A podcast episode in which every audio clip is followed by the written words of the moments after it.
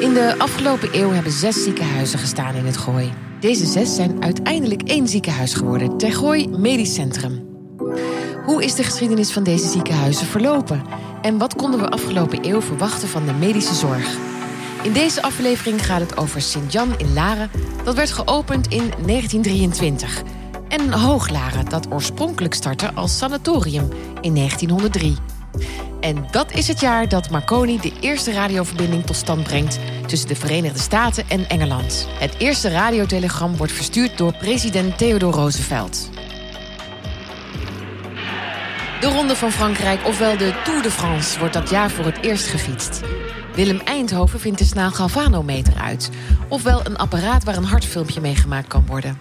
In 1903 presenteert Willem Eindhoven zijn uitvinding aan de wetenschap. In eerste instantie is het apparaat een enorm gevaarte van wel 300 kilo, maar het werkt wel. Paul Kingma en Paul de Miliano zijn gepensioneerde artsen. Met de bouw van het nieuwe ziekenhuis in Hilversum vonden zij het belangrijk dat de geschiedenis niet wordt vergeten. Ze hebben beide een lange staat van dienst als arts in Tegooi MC.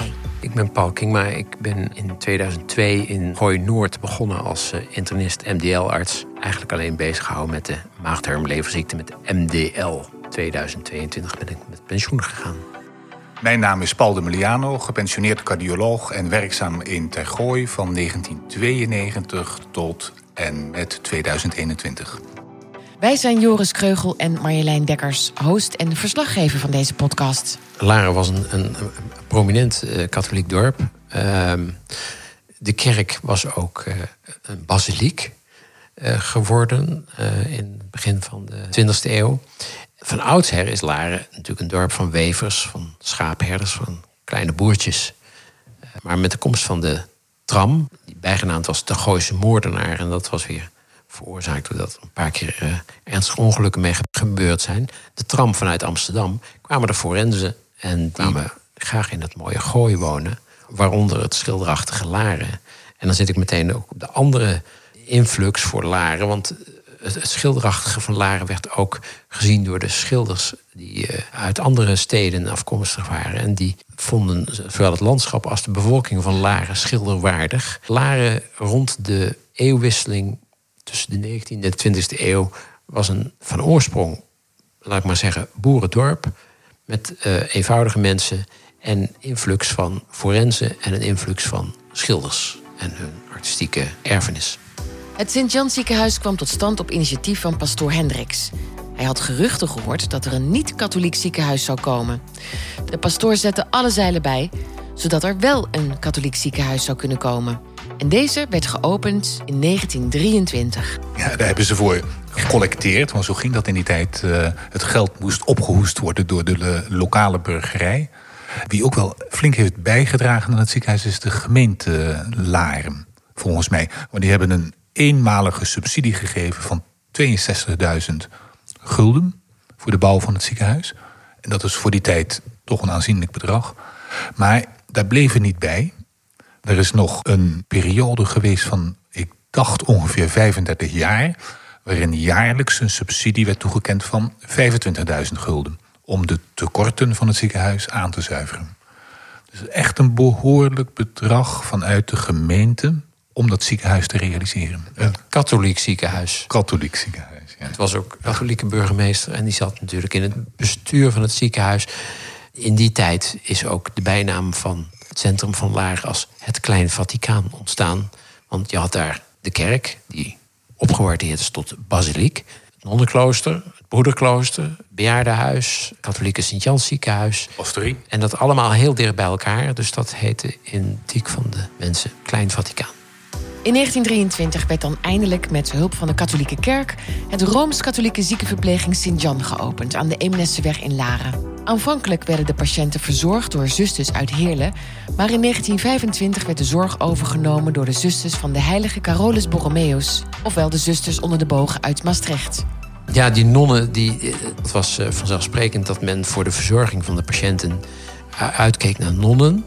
Ze, kregen geen salaris. Ik denk dat er wel wat gefourneerd werd, wel wat, wat geld overgemaakt werd naar, naar de orde.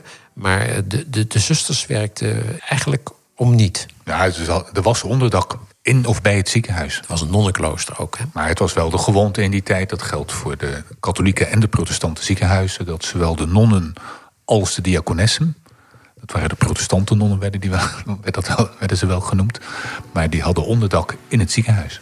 Begin 1900 waren er nog geen ziekenhuizen zoals wij die nu kennen. Het Sint-Jan in Laren was meer een tehuis om patiënten te verzorgen. Het ziekenhuis was overigens de trots van de bevolking. Het werd erg gedragen door de bevolking van Laren en de omgevende gemeenten. Maar het was vooral een ziekenhuis waar verzorgd werd. Eh, er waren geen vaste specialisten aan verbonden. Dat is pas uh, veel later gebeurd, al pas in, in 1960, dat er vaste specialisten verbonden werden aan het ziekenhuis.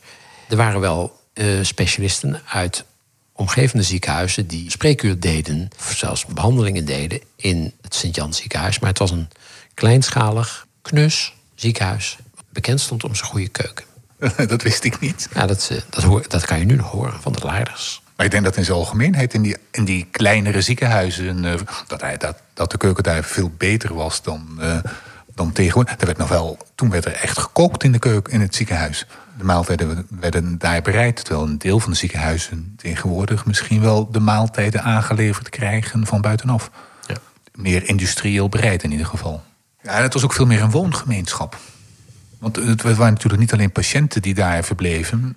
Er verbleven toen de tijd ook, ook de nonnen die daar woonden, die daar aten, die daar sliepen.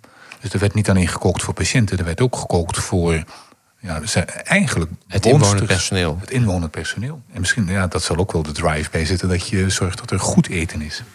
In de periode van de jaren 20 tot de jaren 60 werden de mogelijkheden van behandeling uitgebreid. En daarmee nam ook de lichtduur toe. Een maagzweer werd zes weken behandeld in het ziekenhuis. Daar krijg je tegenwoordig uh, wordt dat medicamenteus behandeld. Polyklinisch. Ja, de, chirurgische technieken zijn natuurlijk aanzienlijk uh, verbeterd, verfijnder, uh, minder belastend. Uh, spelen er wel meer aspecten een rol, denk ik. Ik denk dat je ook de, het, het, risico op complicaties na de operatie in de jaren 50 wel groter was dan dat dat tegenwoordig is. Ja. Infecties bijvoorbeeld, wondinfecties. Dat risico is, is nu aanzienlijk lager. De narcose die gebruikt werd, dus zal ook wel heftiger geweest zijn in die tijd dan de narcose zoals die tegenwoordig bij een operatie wordt gegeven. In 1961 werd de eerste geneesheer directeur aangesteld in het ziekenhuis. Dat loopt parallel met andere ziekenhuizen in het land. De invloed van de dokters, ook in het besturen van het ziekenhuis, werd groter en werd minder bepaald door de nonnen en de besturenszuster. Maar het was wel een klein ziekenhuis. Ik denk dat de kleinschaligheid. Uh daar werd natuurlijk, het ziekenhuis werd daarom uh, geroemd. En dat is vooral voor de medewerkers uh, is dat prettig. Iedereen kent elkaar. En dat brengt dan ook met zich mee dat feestdagen, maar ook jubilea, dat die uh, intensief gevierd worden. Waarbij ook iedereen acte de présence gaf. Dat soort dingen, dat is zo langzamerhand wel verdwenen. Het is allemaal wel wat zakelijker, zakelijker geworden. En ik denk als je die op het moment dat je binnen die kleinschaligheid op een prettige manier met elkaar omgaat, dat dat ook de motivatie en het, uh, het, het, werkplezier enorm uh, verhoogt. In 1966 verlaten de laatste zes zusters het ziekenhuis die daar werkte en woonde. En zij verhuisden naar een particuliere woning. Het is ook wel de periode, de jaren 60, dat de ontzuiling ook echt aan de gang is. En zowel nonnen in de katholieke ziekenhuizen als de diakonessen in de protestante ziekenhuizen langzaam verdwijnen, omdat er geen aanbod meer is. Er zijn geen roepingen. Er zijn geen roepingen meer. En de kloosters in het zuiden des lands, waar de nonnen oorspronkelijk vandaan kwamen, die in de, in de Sint-Jan werkzaam waren, hadden ook geen aanwas meer van jonge vrouwen die de roeping hadden om non te worden. Het waren gouden tijden voor de ziekenhuizen. Waren. Want aan het eind van de jaren 60 kreeg ziekenhuis Sint-Jan het financieel zwaar. In 69 eh, wordt dan besloten tot de fusie van Sint-Jan in Laren en Hooglaren, wat feitelijk in de gemeente Blarikum lag. Dat waren twee ziekenhuizen die op een relatief geringe afstand van elkaar lagen. Allebei op een verschillende manier een beetje in de problemen waren gekomen. Sint-Jan had het financieel heel zwaar en Hooglaren was bouwkundig niet meer zo optima forma. En bovendien, maar daar komen we dadelijk in een stukje over Hooglaren terug. Tuberculose was bestreden en uh, Hooglaren was op zoek naar andere functies... die al voor een deel ingevuld waren op het moment van de fusie. En dat was eigenlijk in aanloop naar de fusie later naar Gooi Noord. Een paar jaar later. Het Sint-Jan ziekenhuis was opgericht als ziekenhuis, maar Hooglaren werd gesticht door de Vereniging Amsterdam Sanatorium voor Borstleiders en was een sanatorium. Hooglaren is in 1903 opengegaan. Uh, dat werd geopend door uh, koningin moeder Emma. En uh, Hooglaren was eigenlijk een, een, product, een bouw vanuit Amsterdam. In Amsterdam was er het gevoel ontstaan dat er in het gooi eh, wat tegenwoordig ook wel The, Garden of Amsterdam heet, hetzelfde gevonden zou kunnen worden als in de Zwitserse bergen, namelijk frisse lucht. En dat was goed voor de tuberculosebestrijding. En daarom hebben een aantal notabelen in Amsterdam, onder andere een paar burgemeesters, het initiatief genomen om in Blaricum het gebouw Hooglaren te bouwen en te openen voor uh, tuberculoseleiders uit Amsterdam.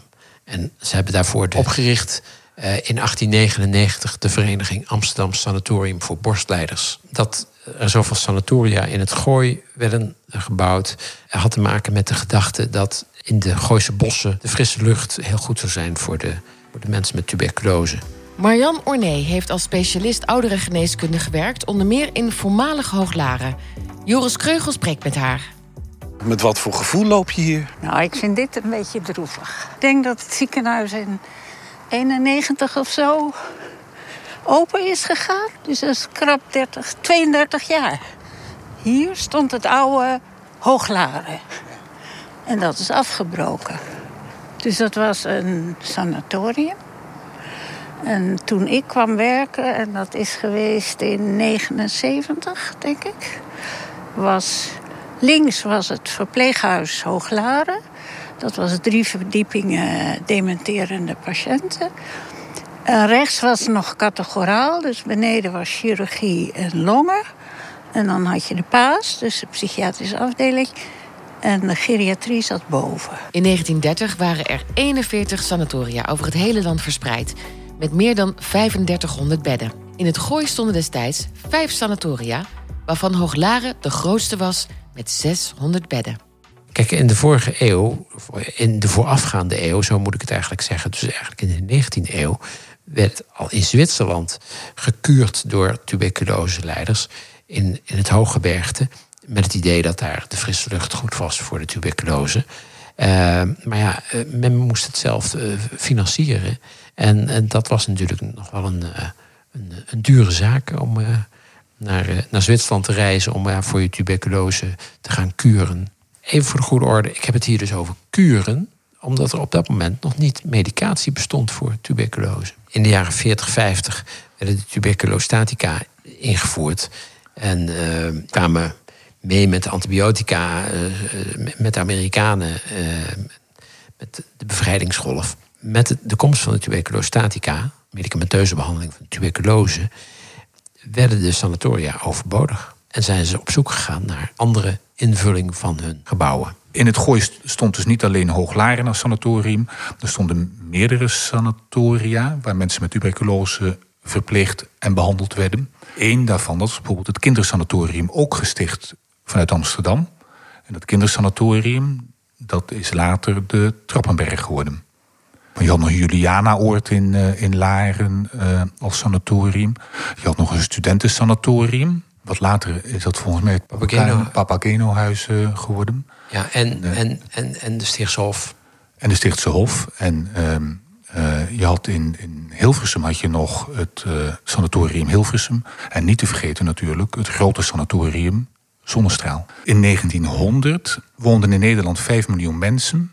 En jaarlijks stierven er ruim 10.000 aan de gevolgen van tuberculose, jong en oud.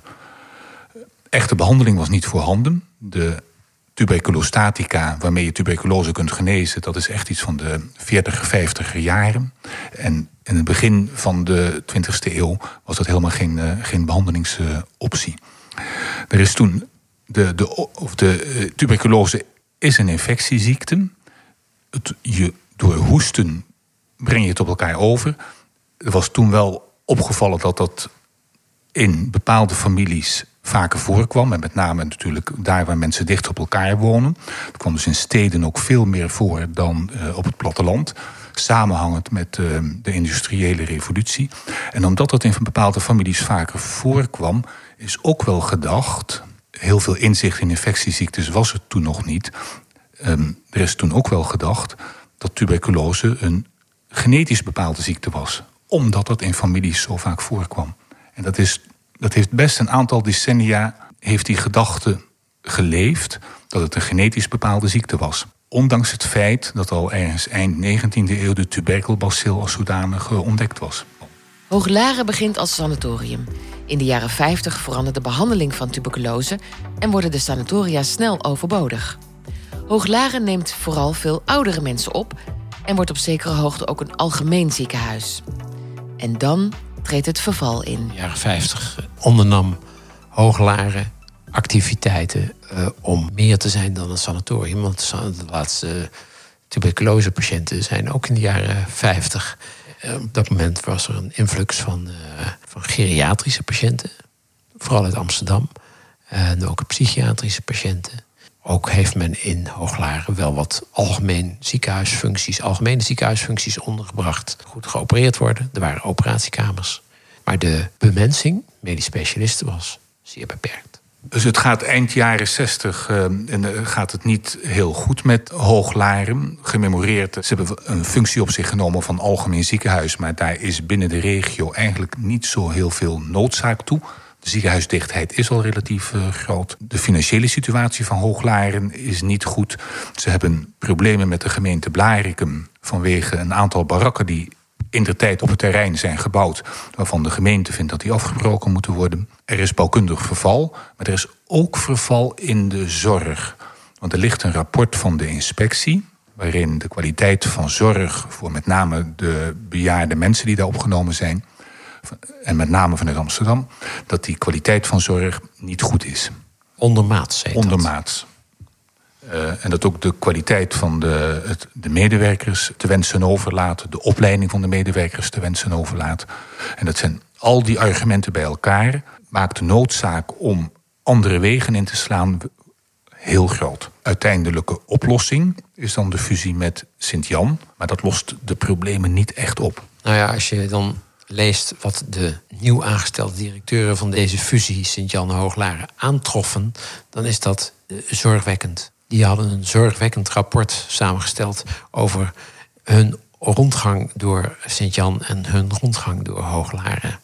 Wat ze aantroffen aan bouwkundige staat, aan vertimmeringen, aan hygiëne en dieptepunt, als ik het zo mag zeggen, troffen ze nog een oude tuberculosepatiënt aan die onder het hoofdstukje genezen patiënt wel onderdak had gekregen in Hooglaren op zolder. Dat was allemaal niet naar de norm van nu en zelfs ook niet naar de norm van toen. In de jaren 60 was er een vrij geruisloze fusie met het Sint-Jan en Hooglaren, maar dat loste niet alle problemen op. Met name de financiële situatie blijft het slecht. Het ziekenhuis kan niet aan de financiële verplichtingen voldoen. De rente over het geleende bedrag kan niet worden afgelost. Ook de ziekenhuisverzekeraar weigert nog langer bij te springen. En onder druk van de overheid worden op regionaal niveau inmiddels ook gesprekken gevoerd over samenwerking of fusie van de ziekenhuizen binnen het gooi. Die garantie die over gedurende 35 jaar zou spelen van uh, een grote hoeveelheid geld per jaar voor de aanzuivering van de tekorten, dat was voorbij. En dat had wel een bepaalde luxe positie gegeven aan het ziekenhuis en aan, de mensen die daar werkten. En men was misschien wat minder geneigd of gewend om financieel zaak goed op orde te houden. Het werd toch aangevuld. Met die, met die zij-instroom van dat geld, wat er niet meer was, is het ziekenhuis langzamerhand in elkaar gezakt financieel. En in zwaar weer terechtgekomen. Ja, en echt in zwaar weer. Hè? Dat, inmiddels is het dan Sint-Jan dan gefuseerd met Hooglaren. Maar ze staan er financieel echt slecht voor. Ehm, er is een schuld van, bij de bank van 2 miljoen gulden toen nog. Waarover ook al een aantal jaren eh, geen rente meer is betaald. En uiteindelijk zegt dan in 1974 de huisbankier van Sint-Jan Hooglaren... en nou citeer ik weer eventjes... uit de brief die de bank schrijft aan Sint-Jan Hooglaren...